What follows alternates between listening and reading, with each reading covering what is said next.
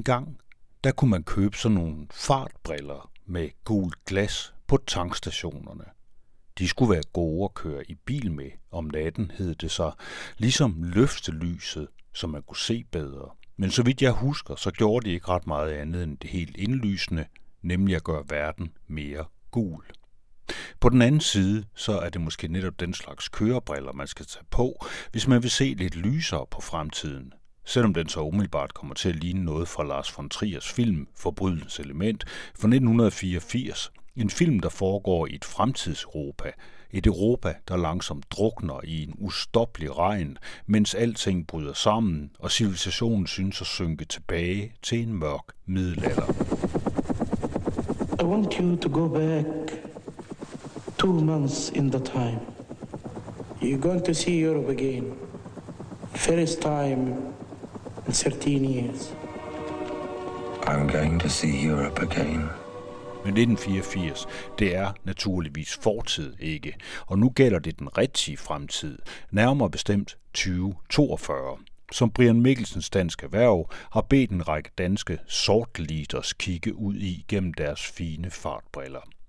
Et tigerråd var skabt, og ideen var angiveligt at vise vejen til at konkurrere mod Asien og Kina, der som bekendt er meget længere end vi er med det der kunstig intelligens og virtuelle valutaer. Resultatet efter et år blev offentliggjort her i starten af juni ved en reception i Kødbyen hos virtual reality-firmaet Cora. Det er også Amdi, der er i studiet til en kort snak om, hvad der er fiktion og hvad der er fakta i historien. En historie, der bygger på Tierråds vision for Danmark 2042. Altså fremtiden. Og hvem vil ikke vide, hvordan fremtiden ser ud? Hvis det er dig, så lyt med. God fornøjelse. Hvordan flytter vi diskussionen om digitalisering fra et fokus på teknik til at være en diskussion om, hvordan vi sikrer, at fremtiden bliver et bedre sted at være?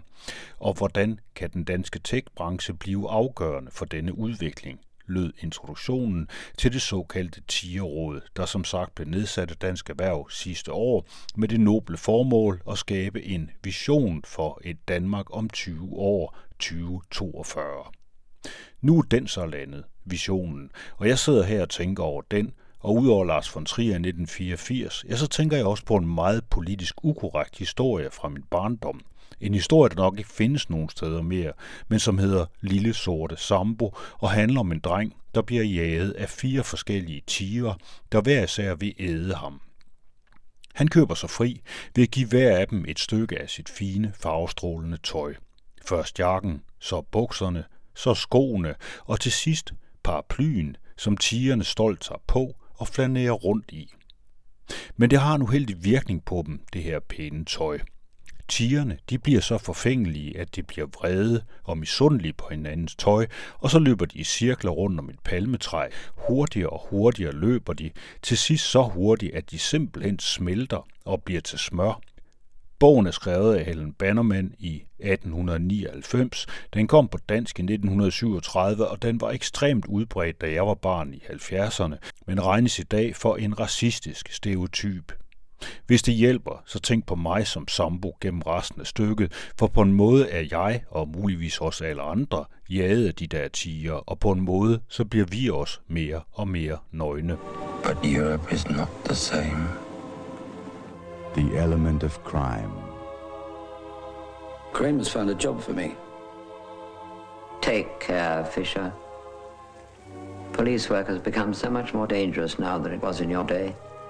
Men nu må det være nok med sentimentalitet for i dag. Vi skal tilbage til Dansk Erhvervs 10 råd. Det er ledet af den sympatiske Mikkel Heppe Brun, som er co-founder i TradeShift, og det er smækfyldt med visionære medlemmer som Sofie Løde og Sofie Carsten Nielsen fra henholdsvis Venstre og Radikale, sammen med den tidligere tech-ambassadør Kasper Klønge, nu Vice President European Government Affairs for Microsoft. Der er også Lisette Risgaard Forbevægelsens hovedorganisation, Mona Jul fra de konservative, Stig Møller Christensen, Chief Commercial and Digital Officer hos TV2, Thomas Bolander, professor hos DTU Compute, Thomas Voldby, som er administrerende direktør i Københavns Lufthavne AS, og den allesteds nærværende Christiane Vejlø, der har gået den lange vej gennem Disruption-rådet, så Dataetisk Råd, og nu altså også med her, sammen med ikke så få andre med tigertankegangen intakt, og alle til sydende med et klart fokus på, at vi har travlt og skal skynde os rundt om det der træ hurtigere og hurtigere, for ellers går det galt med miljøet, planeten og eksporten. Her fra mit palmetræ, så kommer der lige lidt citater fra fra museskridt til tigerspring, mennesket i centrum i balance med planeten, økonomien og teknologien, Tigerrådets vision for Danmark 2042, som den ene del af rapporten hedder. Der er en anden del, den er meget, meget sær, og den vender jeg tilbage til.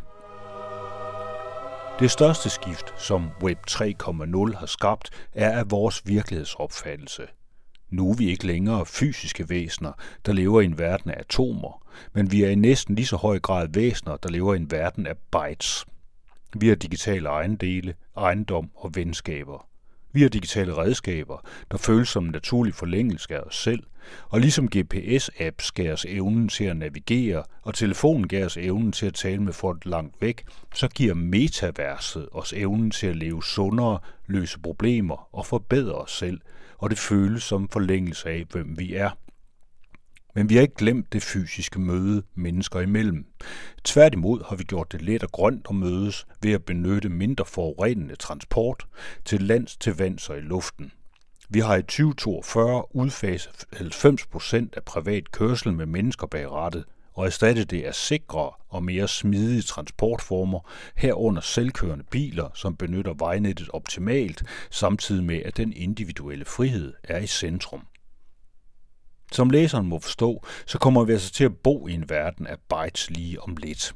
Mere præcist åbenbart i det af Facebook claimede metaverse, som Zuckerberg i sin tid har hugget fra science fiction forfatteren Neil Stevenson og hans ret dystopiske bog Snow Crash. Men ho, nu fortaber jeg mig vist de egne referencer igen.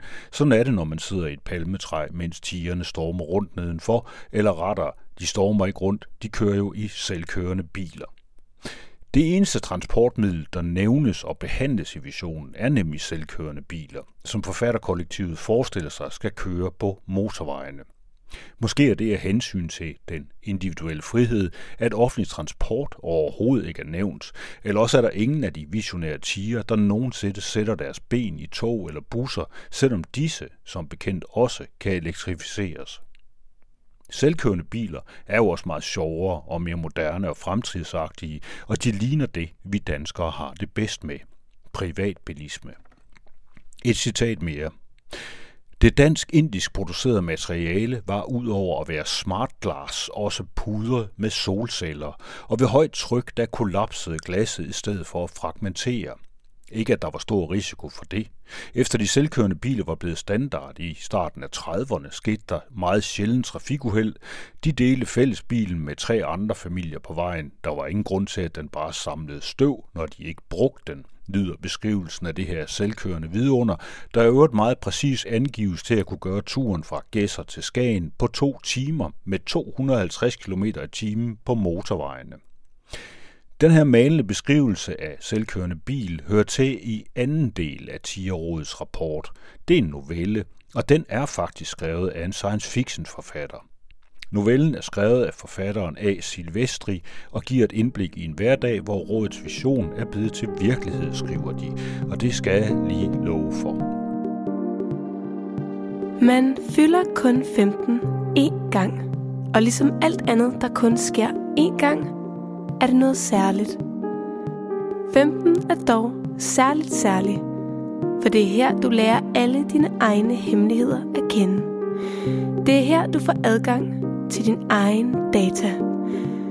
Velkommen til en original sci-fi dokumentar baseret på Tierråds vision for 2042. Alfred fylder 15 er skrevet af A. Silvestri, versioneret til podcast af Her Her, udgivet af Dansk Erhvervs Tierråd. Episode 1 Novellen handler som sagt om drengen der ja fylder 15, og som skal holde en fest med sin familie. Ikke fordi han skal konfirmeres eller holde fødselsdag, eller rettere jo, han skal konfirmeres som dataobjekt. I 2042 får man nemlig selv lov til at styre og kontrollere sine egne data, når man er fyldt 15. Det er lidt ligesom man i dag udstyres med NemID og, eller MitID og kan lave alle mulige digitale ulykker selv, selvom man endnu ikke er blevet myndig. Og den her farver nye fremtid, der holder man så altså ikke konfirmation, man holder en dataoverdragelsesfest med taler og økologisk bæredygtig mad, men noget udmålte portionsstørrelser, så der ikke spildes noget. Der er flere gæster, der er til stede, som det vi i gamle dage kaldte for hologrammer. Nu hedder det simulakre, og alle kommunikerer via databærende kontaktlinser, der fungerer som smartphones ved en eller anden form for magi, og som samtidig giver adgang til vidensfeedet, der er individuelt og skræddersyet, som Spotify var det tidligere, skriver de. Hvor bliver han af? sagde Nick og kiggede på uret i fællesbilens flexiglas. Hvor bliver Alfred af? To timer til det hele begyndte. Tøjkrise. Det var strengt taget ikke nødvendigt, at de tog derud allerede. Iben havde herset rundt med kokke og serveringspersonale over et direkte feed siden kl. 11 i formiddags. Men det føles alligevel vigtigt at være rigtig til stede. Han ombestemte sig i morges. Han ombestemte sig i morges, svarede Iben og studerede sin makeup i roden. Så nu skal jakkesættet være et andet snit. Fiberprintmaskinen er over 10 år gammel. Den er svær ved at håndtere det fine waste, du fodrer den med. Men den kan jo godt lave mine underbukser og sokker. Ja, den kan godt lave mine underbukser og sokker, sagde han. Ja, men nu er de heller ikke efter mønstre fra Vesicyle, svarede hun og rettede på hans flip. Han havde båret samme sæt til deres bryllup. Ibens kjole var heller ikke ny, men hun havde printet et mønster i siderne, der fik den til at se sådan ud. Det her sker kun én gang i hans liv, så han vil gerne se perfekt ud. Det kan man vel ikke fortænke ham i. Næ, næ, svarede Nick, spejlede sin linse i plexiglasruden og connectede til Alfreds værelse. Alfie, vi øh, triller om fem minutter. Sure, far. Skal jeg have dressfilteret slået til? Altså, du gav din grantante et chok sidste gang, vi så hende, så... Okay. Så de skal se dig det tøj, de mener passer til dagen. Men det er min dag. Det er jo ikke virkeligt, hvis de bare ser noget andet. Så er det jo lige meget, hvad jeg tager på. Men der er mørke skygge over denne lynhurtige og glitrende verden. Klimaet har det skidt, havet er steget, og Danmark er nu pakket ind i gigantiske vægge af jernbeton med sluser imellem de forskellige landsdele, som var vi et stort Lynetteholm. Været det skifter også lidt i novellen. Pludselig regner det meget voldsomt, og børnene bliver lidt nervøse, men bygningerne de er smarte og kan tåle regnen, og det holder naturligvis hurtigt op igen, og gæsterne kan fortsætte festen og sende hinanden argumented reality-billeder, AR-manipulerede udgaver af, hvor de nu befinder sig, mens tjenere i NFT-dekoreret tøj tjekker et særligt område af gæsternes personlige data for eventuelle allergier. Slutningen af novellen har en ordliste, der på mange måder siger en hel del om, hvor de her museskridt og tigerspring forventes at føres hen, så vi tager lige et par stykker. Kvantecomputer er sandsynligvis noget, der anvendes i større målestok i fremtiden, og sandsynligvis også noget, som de færreste helt kan forstå, som bitcoin eller zero knowledge proof. Den næste. Startup og iværksættere, som slår sig ned langs kysten, kolon, rundt omkring ved nye business dukker op, som danner Mikrosilicon Valleys og den næste. Glitrende boligtårne i Aarhus, boligtårne som dem i København. I fremtiden vil der stadig være brug for mange boliger i storbyerne. Citat slut. Nick lukkede spejlingen og så mod himlen. Solen lå som en appelsin i en glasskål, og flossede skyer drev doven forbi. Intet tydede på regn, men det kunne man ikke stole på. Vejrmønstrene var ikke som fortidens. Det var, som om vejret havde fået mere brug for at reagere. Nu tog det sig sjældent tid til en advarsel, men gav bare los. Og tilbage til hovedvisionen, den her med museskridt og tigerspring. Den er bygget op som tredel vision og ni drømme om fremtiden. Den første vision handler om mennesket i fremtiden, og her står der mange fornuftige ting om demokrati og dannelse, men det er også helt afgørende, at vi bliver bedre til at forstå og bruge teknologi. Det man allerede i dag kalder for digital dannelse, noget der angiveligt skal helt ned på småbørnsniveau og være konstant og aldrig holde op. Vision 2 handler om, at Danmark skal være helt fossilfrit og genbrugsoptimeret, naturligvis via kunstig intelligens og algoritmer, og den tredje, ja, den handler om økonomien, der også skal have et skud kunstig intelligens, hvorved ideen om samfundet som en computer er fuldbyrdet. Citat. Alt det bøvlede med administration og indberetninger til det offentlige har vi overladt til kunstig intelligens. Det har sat skabertrangen fri. Vores store styrke er den lave magtdistance, vores træning i konstruktiv og kritisk dialog, vores evne til tværfagligt samarbejde og vores insisteren på at være ambitiøse. Citat slut. Det er næsten som at høre Sofie Løde fra dengang hun sad i Moderniseringsstyrelsen og talte om digitaliseringsklar lovgivning.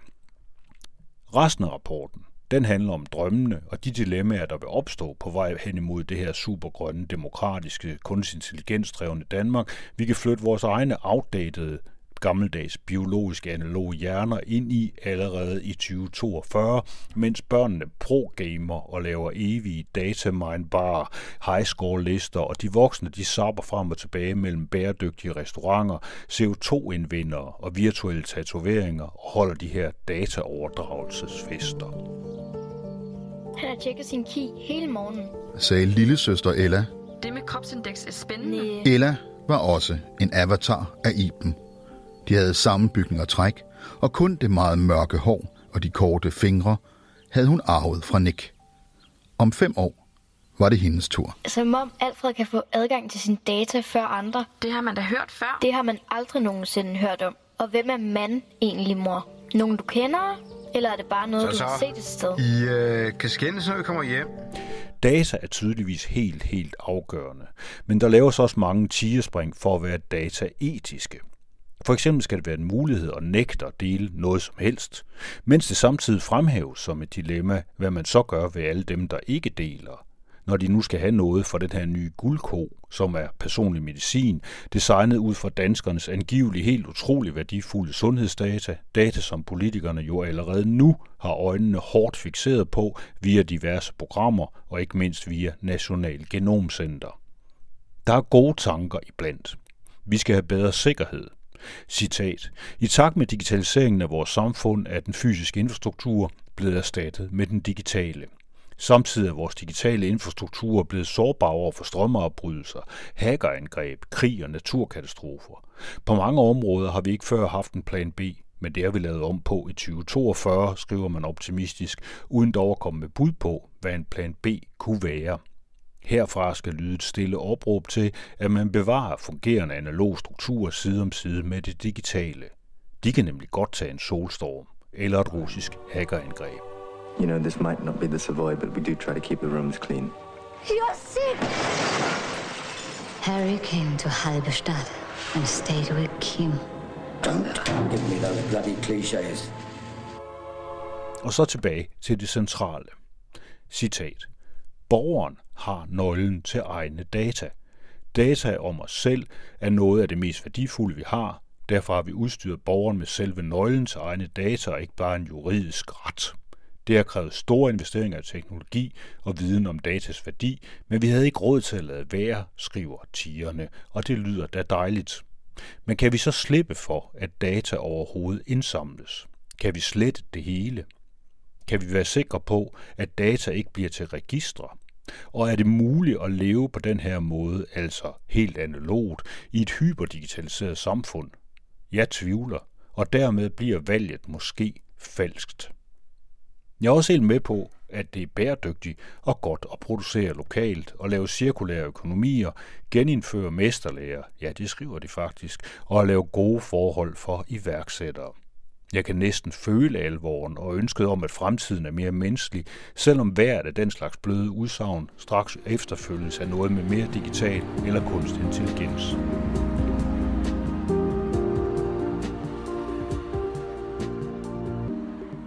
Nick mærkede den karakteristiske kilden, da hans daglige bioscan blev aktiveret. Iben havde sin scanner i sin hvilesesring, mens han selv havde sin i den halskæde, de havde købt til ham, da de var på bæredygtig bryllupsrejse til Ungarn for ni år siden. Det havde været en særlig tur. Og det var første og nok også sidste gang, at han fik lov til bogstaveligt talt at bade i øl. Nicks data begyndte at pible frem på linsen, men han blinkede dem væk. I dag var Alfreds dag. Til gengæld mangler der et eller andet i den her rapport. Fintech-delen. Ikke at det ville gøre det hele mere grønt, men det var, så vidt jeg husker, faktisk en af tankerne bag hele det her tigerråd i sin tid, og med deltagelse af antikontantmanden Jan Damsgaard, der er professor for CBS Department of Digitalization, der ikke plejer at forspille nogen lejlighed til at tale om e-kroner og en fremtid uden beskidte kontanter, der havde jeg forventet noget om fremtidens flydende, perfekt spor og hackbare digitale penge. Men måske kommer det senere, og for sig selv – Måske er de blevet klogere og vil bevare kontanter. Et smart træk i en skrøbelig krigstid og i det hele taget. Kontanter, dem kan alle jo bruge, uanset digital dannelse eller opmærksomhed på cybersikkerhed. Det hele bærer måske en lille smule præg af de mange forskellige interesser, som de alt 36 tiger, her er flere fra gamingindustrien og computerbranchen, plus altså en science fiction forfatter, prøver at få smidt ind i den her vision, samtidig med, at de alle sammen sidder fast i en lidt ældre, singulær religiøs vækkelse over, at fremtiden er datadrevet, og de samtidig fuldkommen overser, at serverparker og kunstig intelligens på ingen måde er bæredygtigt. Datacenter i Danmark, ja, de forventes at medføre en stigning i elforbrug på 38 procent i 2040. De glemmer også, at der ikke er noget som helst, der tyder på, at den her kunstig intelligens vil løse vores klimaproblemer. Og de glemmer, at de 19 CO2-fangere, der allerede kører nu efter milliarder af dollar i investeringer, PT er i stand til at opsuge, hvad der svarer til USA's udledninger i et minut om året. Det er kun os, menneskene, der kan løse de her problemer. Og det kommer til at kræve afsavn og nogle utrolig modige politikere, der blandt andet så går op med den her idé om, at datakraft løser alt, fordi vores virkelighed er blevet så utrolig kompleks, at vi dumme mennesker ikke kan finde ud af verden længere. Nogle af os ville måske helt stille, så næsten ingen opdagede det, sige, at en stor del af vores problemer netop skyldes teknologi, fordi vi lader den definere, hvad vi kan gøre. Det hedder solutionism, at man har en løsning, i det her tilfælde teknologi, men savner et problem. I dag er der bunker af problemer, men spørgsmålet vi mus burde stille os er, om teknologien er for dårlig, og om det slet ikke passer til vi menneskers problemer. Lige det synspunkt, det findes naturligvis ikke i visionen. Den kan man kun se, hvis man sidder i et palmetræ. Og hvis I vil have mig undskyldt, nu skal jeg hjem og lave pandekager. What are you doing, Mr. Fisher? I honestly don't know anymore. I've had dreams that weren't just dreams.